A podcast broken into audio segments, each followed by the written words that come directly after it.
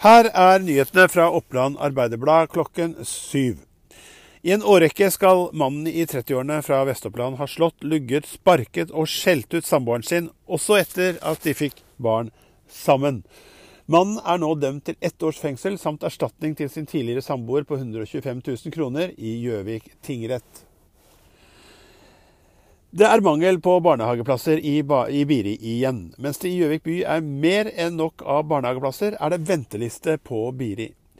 Kommuneledelsen drøfter nå hva man skal gjøre, eh, og man håper å kunne klare å tilby barnehageplasser nok, slik at alle som har rett til det, skal få plass. Byggesaksmyndighetene i Søndre Land kommune har nå funnet igjen papirene som viser at byggingen av et hus eh, i Landåsbygda ble omsøkt, behandlet og godkjent før det ble satt opp i 1982. Papirene har vært borte, og kjøpet av drømmeboligen ble, er blitt et mareritt for familien i Landåsbygda.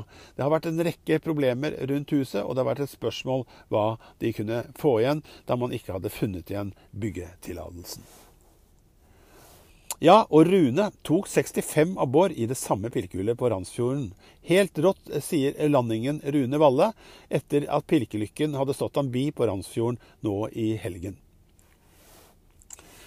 Barnevernsvakta den mangler fortsatt i Valdres etter at samarbeidet med Gjøvik eh, glapp. 1.1 skulle ordningen med barnevernsvakt ha startet opp, men nå sier Pål Andreassen, kommunalsjefen for helse og omsorg, at målet er å få på plass ordningen i løpet av året. Og salget av smultringer det ga mersmak, og nå har Linda Pettersen åpnet restaurant i Hunndalen.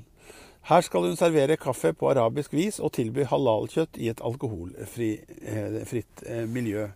Og til slutt etter en helg med mye vær og vind i Norge har meteorologene nå gode nyheter for de som står fram, ser fram mot mer sol og varme. Og på Østlandet så vil gradestokken peke nå tydelig i retning av en varmere årstid.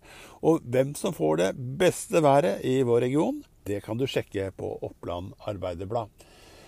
Det var noen av de nyhetene du finner i Oppland Arbeiderblad nå på morgenen 26. mars.